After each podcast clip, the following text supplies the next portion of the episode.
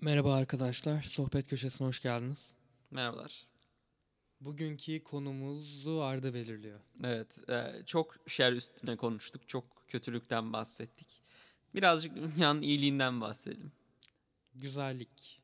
Hayır. Dünya iyi bir yer mi? Neye göre? İyi bir yer mi? Ama bir şeye nasıl iyi diyebilirsin? Başka şeylere göre konumuna bakarak tanımları yapmaz mısın? Yani iyiyi başka şeye göre tanımlayarak nasıl tanımlarsın? Başka dünya yok. Tamam. Yani şey mesela, e, bir şey seçeceksin. İki seçim hakkı var. Biri daha iyi. Ama iyi diye bir şey var. nedir peki iyi? İyi nedir? What is good? İyi. Şimdi Allah'ın verdiği iyiler var. Onun dışında iyi ve kötü ben tanımıyorum. Nedir o iyiler? Tanıdıkların. Allah'ın verdiklerim. Evet. Yani insanlara iyi davran. Yardımlaş. Ne bileyim, hüsnü zanda bulun falan. Hani Zekat. bu tarz şeyler. İyilik. Bu, bu yani. Peki. Sence günümüz dünyasında iyilik nasıl bir yerde? Bilmiyorum emin olamıyorum. Günümüz dünyasına zaten şu andan bakabilir miyiz? Bakarsın ha. Bakar mıyız?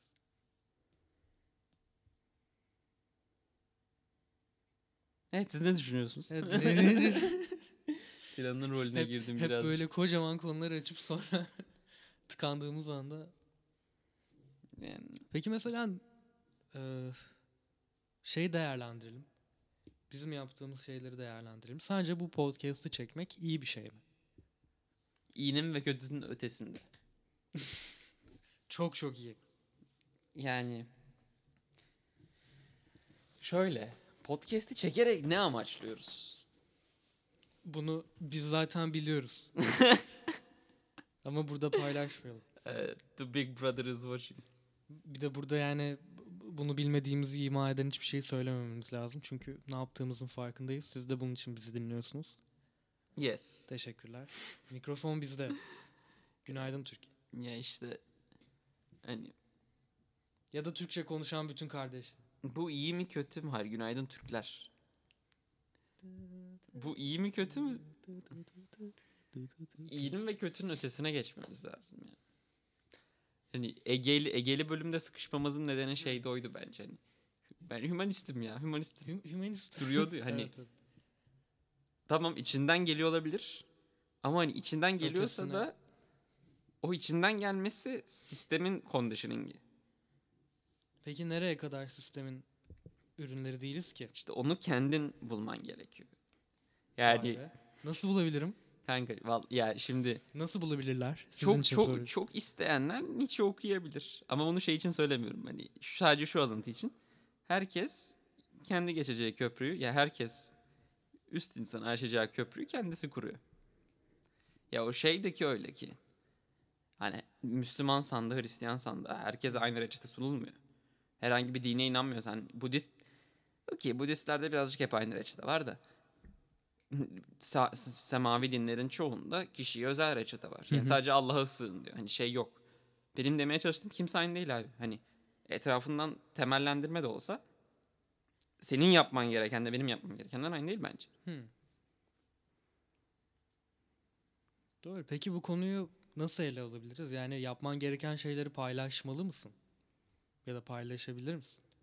Ya sen müziğini paylaşıyorsun. Doğru. Müziği yapılması Ama gereken yani- bir şey mi görüyorsun, yapman gereken bir şey mi görüyorsun?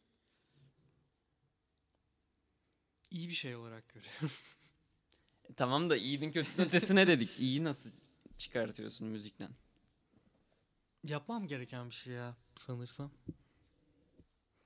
Hani o opsiyonlardan biri ise. O nereden geliyor? İşte Allah. Ya başka bir şey yok. İçimde bir e, bunu yapmamı söyleyen ses var. İşte Ve o durana kadar yapacağım. Onu anlamıyorum. Başka çare Ya her şeyi iç sese göre yapmak hem iyi hem kötü. Niye kötü? İç ses bir gün intihar et de diyebilir. Demeyecek. O zaman susturacaksın. İşte yani iç ses bir gün birini öldür de diyebilir. Demez. İç ses bir gün birine git yaz da diyebilir. İç ses birini Wow. bir gün sev de diyebilir. İç ses bir gün ne bileyim annene kahvaltı yap da diyebilir. Ama işte o bir şey şunu yap, şunu yaz, şunu et demenin ötesinde bu zaten hani sana emir kipiyle konuşan bir ses değil. Bu sadece senin hani eğer yeterince iyi dinlersen sana serbest olarak verilen bir mesaj zaten. İyi de o nerede oluşuyor? İşte evren hal evren hala yapım sürecinde.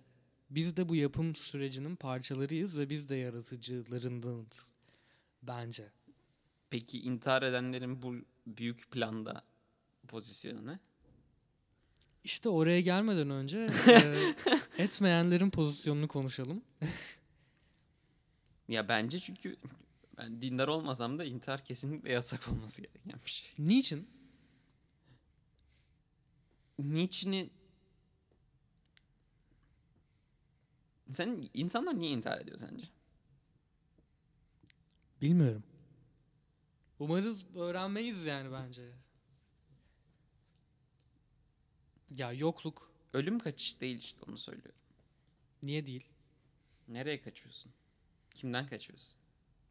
İşte hepsinden. Kim kaçıyor?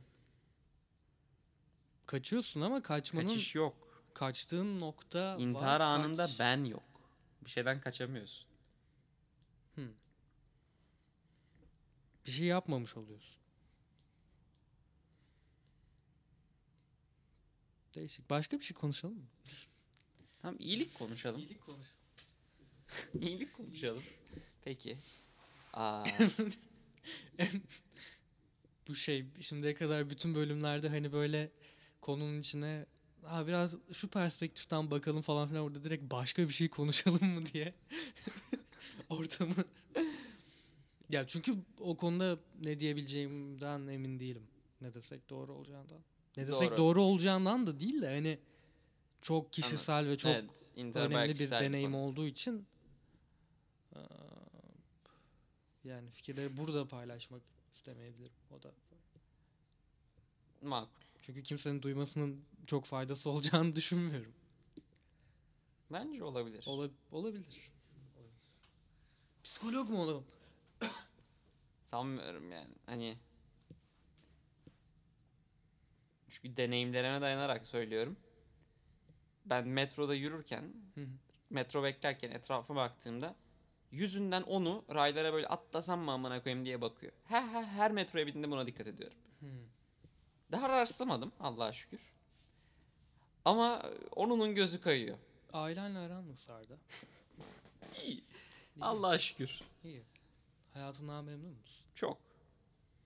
Hayır değilim. Hayır değil. Ya oğlum hayatında Niye, niye kayıyor abi o zaman? Yani Ne? sadece bir düşünce jimnastiği olarak mı yoksa İşte onu, bak, Gerçek onu anlamaya istek çalışıyorum. olarak. Ben cidden şu an onu anlamaya çalışıyorum. Hani şeye bak mesela. İntiharın güzellenmesi başladı bir son zamanlarda. İşte insta postları bir de şey var abi. Bilmiyorum. Bence şey çok kötü. İntiharı bak insanlar yalnız hissetmesin diye intihar ve üzüntüyü paylaşmaya başladık tamam mı? Hı hı. Ama dediğin şey doğru bence. İntihar ve bu tarz düşünceler çok kişisel şeyler. Ve bunu kamu alanına açınca toplumsal bir düşünceye dönüyor. İntihar kişisellikten çıkıyor ve kontrol edilemez bir yere gidiyor. Çünkü sen intihar ettiğinde şeydi normalde. Ben varlığımı artık kaldırmak istiyorum kısmına geliyorsun. Toplumsal olarak bu intihar konusu geldiğinde herkes senin kaldırmana okeymiş gibi hissediyorsun. Hı. Ya bir de zaten kamuya açtığın her konunun içinde maalesef biraz kapitalleşme oluyor abi yani bu bir tesadüf değil hani bu kadar e, O yüzden psikiyatri endüstrisinin başka ilaçları konulara geçelim. ya bu endüstrilerin hepsi onun etrafında neydi nekro bir şey sistem insanların ölümünden ya da ölümden kar çıkarmakla öyle bir terim vardı ya onunla Bilmiyorum. ilgili. Nekro ölü demek. Orwell'in. Ee, aynen. Bilmiyorum terimi. Necro government mı? Ya tam hatırlayamadım terimi. Bulursam sonraki bölümlerde. Yok değil. o değil o. O Cannibal Corpse abi. Oğlum Cannibal Corpse. Çok iyi. Senin bana bahsettiğin bir film vardı onu burada söylemeyeyim. Hı. Hangisi? Hangisi? Kırk ayak. Ha tamam. O, onu filmi izlemeyin. İzlediyseniz izleyin. İzlemeyin abi onu. Sinan bir korku filminden bahsetti bana. Hayır abi izlemeyin. ben, ben de yani keşke izlemeseydim yani. Atlaya zıplaya zaten de. Neyse. Ha, filmi Tövbe atlaya zıplaya. Ben yerinde atlaya zıplaya Hayır hayır hayır. hayır. Aynen abi hop bir de hop bir de. Yok yani o da mesela gerçeğe geçirilmemesi gereken bir beyin jimnastiği bence. ha, İntihar hiç aklına şey geliyor mu? Ha. Polis var yanında tamam mı? Tamam. Şu silahı çeksem şuradan dediğin Abi, oluyor mu? Oluyordur. Çok net oluyordur. Olmuyor. Yani onun aksiyona geçmesinde sorun bence. Ya Evet, yani genel olarak düşününce o zaman aklımızda şeyler var. Sürekli etrafa ilgili evet. çeşitli tasarılar var. Hı. Aslında iyi olan şeyler de bunların arasında var. Evet. Ee, Bunları bir filtreden geçiriyorsun. İşte sosyal olarak kabul görür müyüm? Ben mutlu olur muyum? Bunu yapabilir miyim? Ee, ya da hani self sabotaj olabilecek filtrelerden de bir şekilde geçmiş oluyor ve hani sonunda eylem olarak dışarıya çıkıyor. Hani bu en minimal şeylerden en rast hani rastgele birine konuşmak olsun. Rastgele şunu yapmak. Hani rastgele diyorum ama sadece onu yapmak aslında. Rastgeleliği getiren şey aklına gelen bin tane düşünceden biri olması. Şu an bu an nasıl değerlendirebilirim şeklinde verdiğin kararlardan. Ama şey yani onların o kafadaki tasarının gerçeğe dönüşmesi hani o hayal dünyasının gerçek dünyaya aktarılması zaten Soruna geçiyor. yani evet. Çünkü o süreci ne, ne kadar kontrol ediyoruz? Bilmiyorum neye göre değerlendiriyoruz ben onu da bilmiyorum da. Veya neye göre Yani. değerlendirmeliyiz. Ya bence bir tık içgüdüye e, şey açısından güvenmemiz lazım. Hani insanız ama insan olmakla ilgili hala bilimin de açıklayamadığı bazı muallaklar var. Ve bir şekilde hani e, tamamen fiziksel e, olaylar sonucu da olsa kafamızda düşünce oluşuyor. Dışarıyla paylaşmadığımız bir ses var. Bu ses hep akıp gidiyor falan filan. Ve hani e, bunun bizim bilemeyeceğimiz bir şeyin bir parçası olması ve içimizdeki o düşüncelerin akıp gitmesinin de o büyük resmin ya da o enerji akımının artık her ne altsa hani onun bir parçası olması bence çok muhtemel. Hani o Taoizm'deki nehir yani direkt. Onun için ona hani hayatını emanet etmemelisin belki de ama bir tık güvenmelisin. Çünkü verdiğin kararlar zaten onun içinde gelen bir şey. Onun dışında olan bir şey yok. Hani kendi düşüncen veya söylediklerin olarak. Sadece işte o e, dereyi iyi filtrelemek. İyi de evrimsel bakalım. Bu nasıl gelişti? İşte ufuğa bakmaya başladık. Hayır yani. Çünkü bunu şey koyarsan bir nehir var veya bir metafizik var dersen tamam.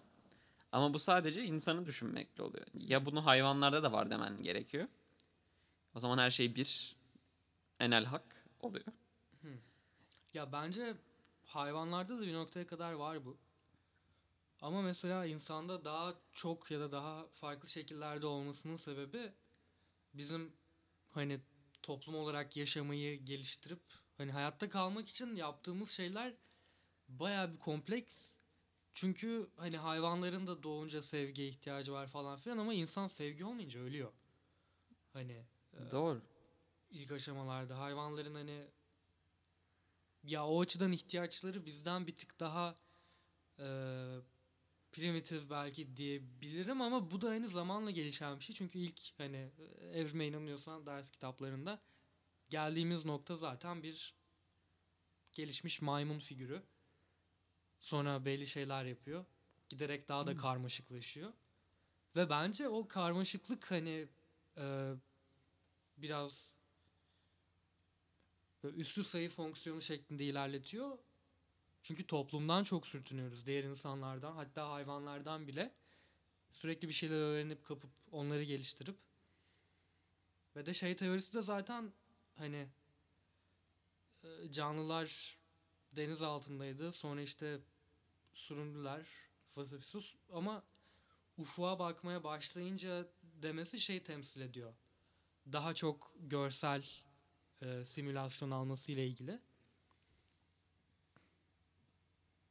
O görsel simülasyon işte gitgide gitgide olduğumuz noktaya getirdi bizi. Ya da direkt duyusal simülasyon. Da insan beyni değişmedi.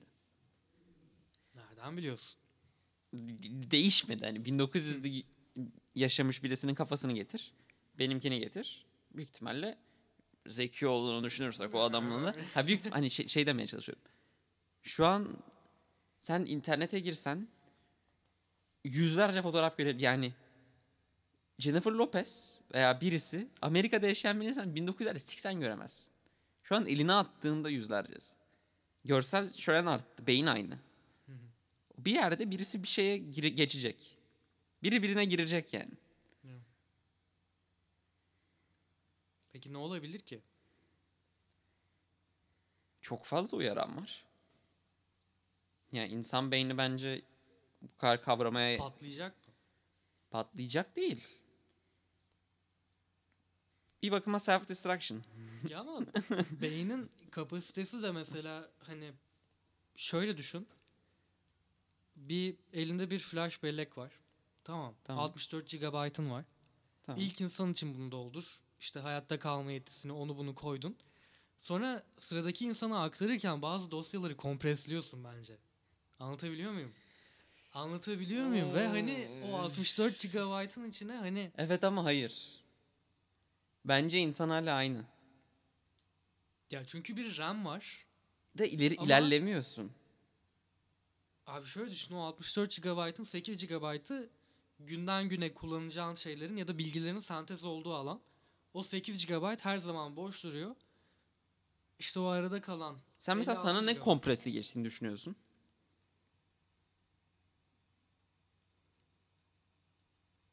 işte ya bazı şeyleri düşündükçe o konuda açılıyorsun ya. İşte ona kat yaşlı olarak katılmıyorum. Şu an biz evrim biliyoruz falan filan, atom biliyoruz işte termodinamik nedir falan filan diyoruz da hani daha deminki bir önceki bölümde bahsettiğimiz içselleştirmekle bilmek arasındaki fark o bence.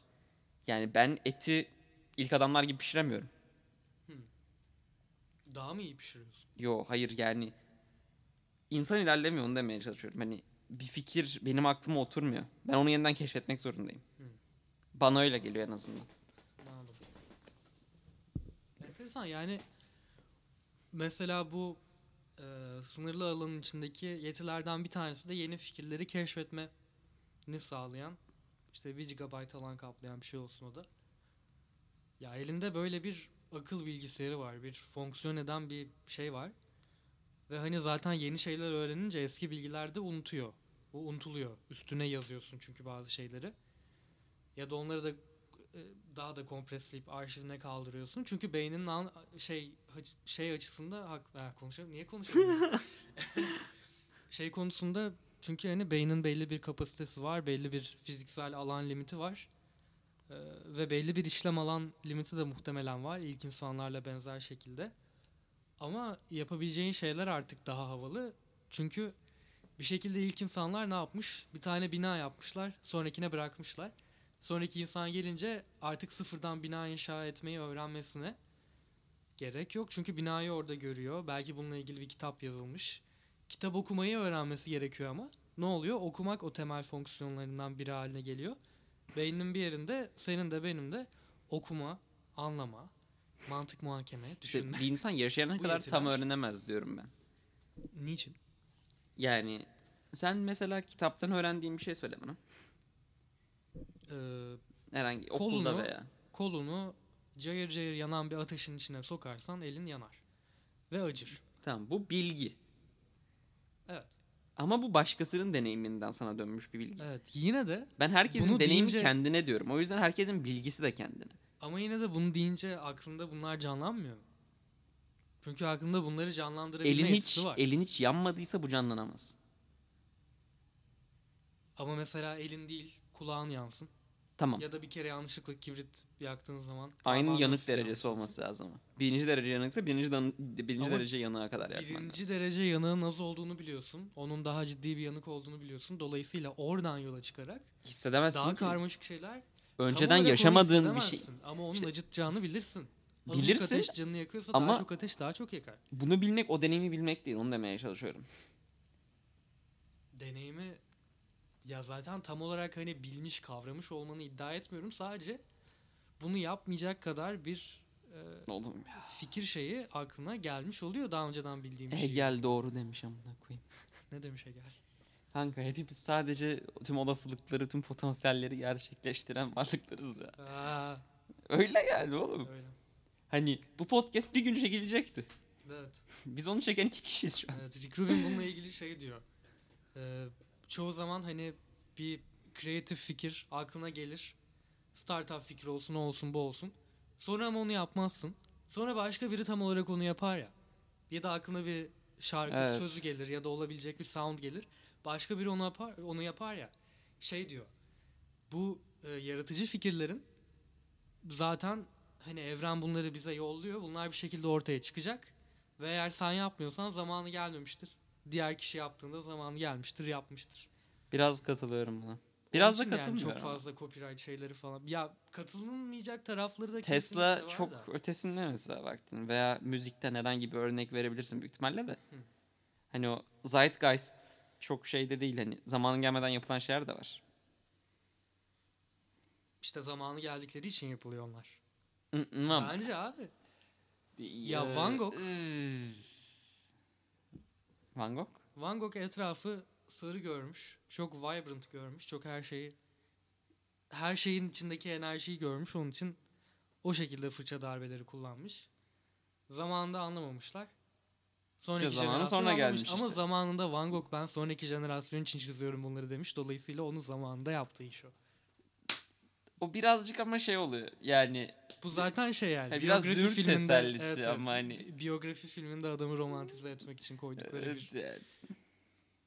Ya yoksa Nietzsche de beni şu an anlamıyorlar. Benim için çok gençler diyor yani. Tabii canım. Ama evet aslında yani Van Gogh'un çıkması için ortaya öncesindeki tüm akımların gerçekleşmiş olması gerekiyor. Realizm gerekiyor, tüm toplumsal yapı çökmeni vesaire. Ona katılıyorum o doğru ama.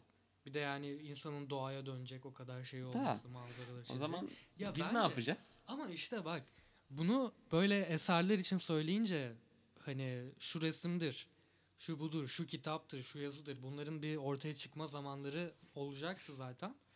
Ve geldiğinde bunlar çıktı falan gibi düşününce aslında hani bir şekilde ikna olabiliyorsun ya yaratıcı fikirlerin bir akış içinde olduğu ve hani Evet. evrenin bu konularda ilerlediğiyle ilgili. Senin aslında günlük herhangi bir bütün davranışların da bunun bir parçası olabilir. Bu enerjiye inanacaksan. Çünkü ne abi her gün bir şeyler düşünüyorsun. Belki bir gün düşündüğün bir şeyi yapıyorsun. Doğru. Ne oluyor? Bu da o planın parçası oluyor. Sadece ortaya çıkan şey resim tablosu değil de ne, ne bileyim kantinden bugün şunu deneyeyim falan gibi bir Ya. şey oluyor. Hani bu da hani o kitapta bundan da bahsediyor. Bir hani eve giderken başka bir yol denemek bile Peki, bir yaratıcılık sonuç ne? gerektiriyor. Yani bak şeyi düşün. Şimdi sen o zaman şeyi düşünüyorsun. Her gün aynısının tekrarı değil. İlla bunlar yani dün bugün ayrı ama büyük bir resim içinde oluşan bir şey diyorsun. Ben şey diyorum bir noktada bugünün dünden farkı bugün e, ortaya çıkacak yeni bir şey. Gidecek yer neresi? Gidilecek. Tek yön var. Yani çünkü ilk insanlarda şeyi görebiliyorsun. Aslında ilk insan olsam bunu da düşünemezdim de.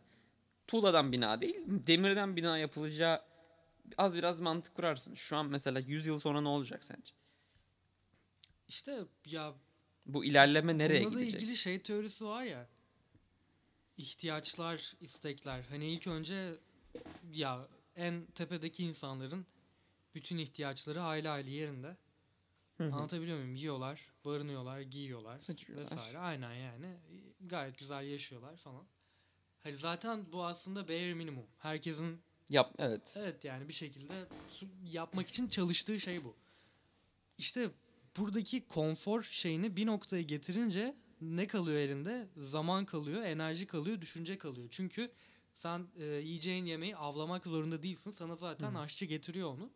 Dolayısıyla sen yemeğin tadına hani e, onun için çalışmadan ya da farklı şekillerde çalışarak onun için gidip Ay, ya, anladım. ya işinde çalışarak Evet, Excel tablosu başka bir şey. doldurarak yapabiliyorsun.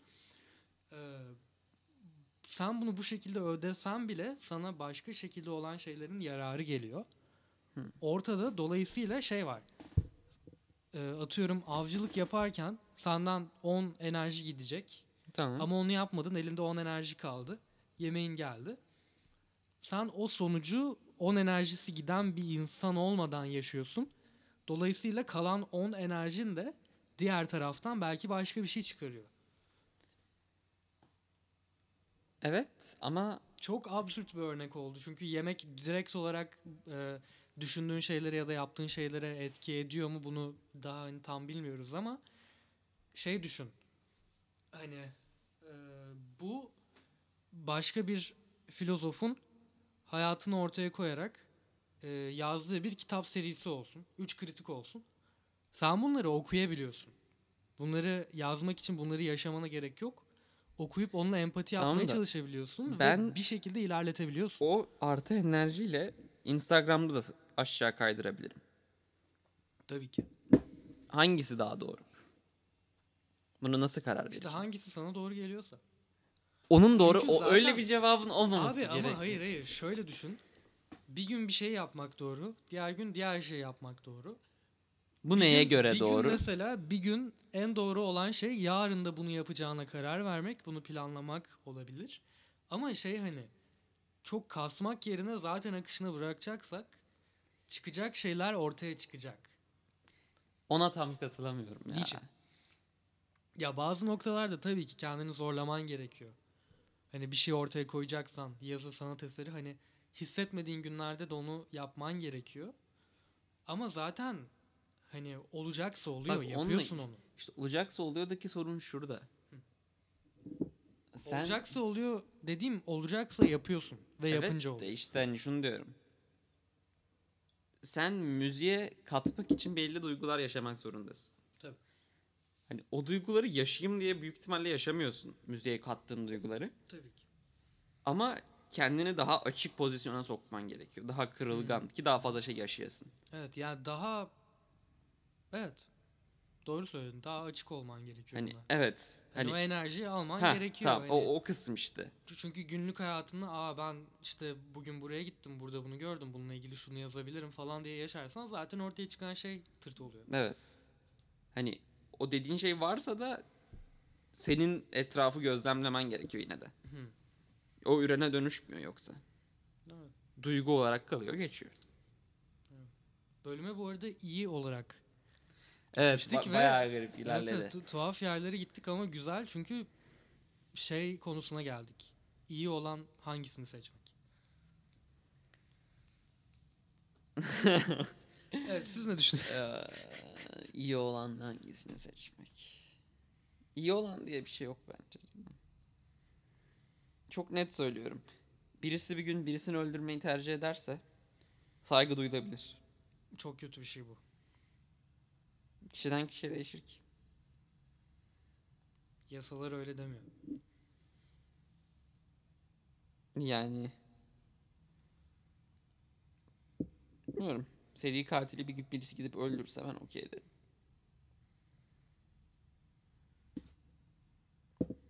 Evet arkadaşlar dinlediğiniz için Hayır yani hangisi iyiden seçmek iyi sistemin içinde tanımlayamazsın ki. O yüzden iyi için ya Allah'ın ihtiyacın var ya da iyi diye bir şey diyemezsin. İyi nereden diyeceksin? Yani insan insanı öldürmemeli.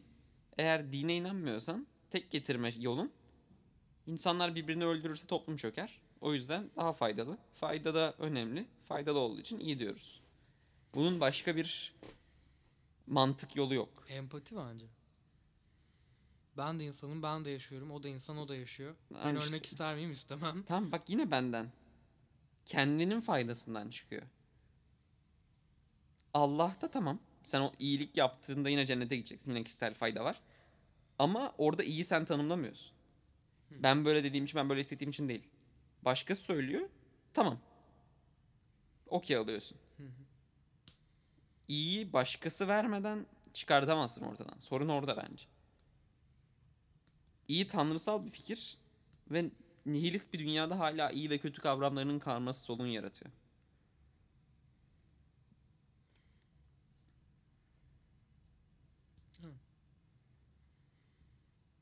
Son cümleyi tekrar söylesem.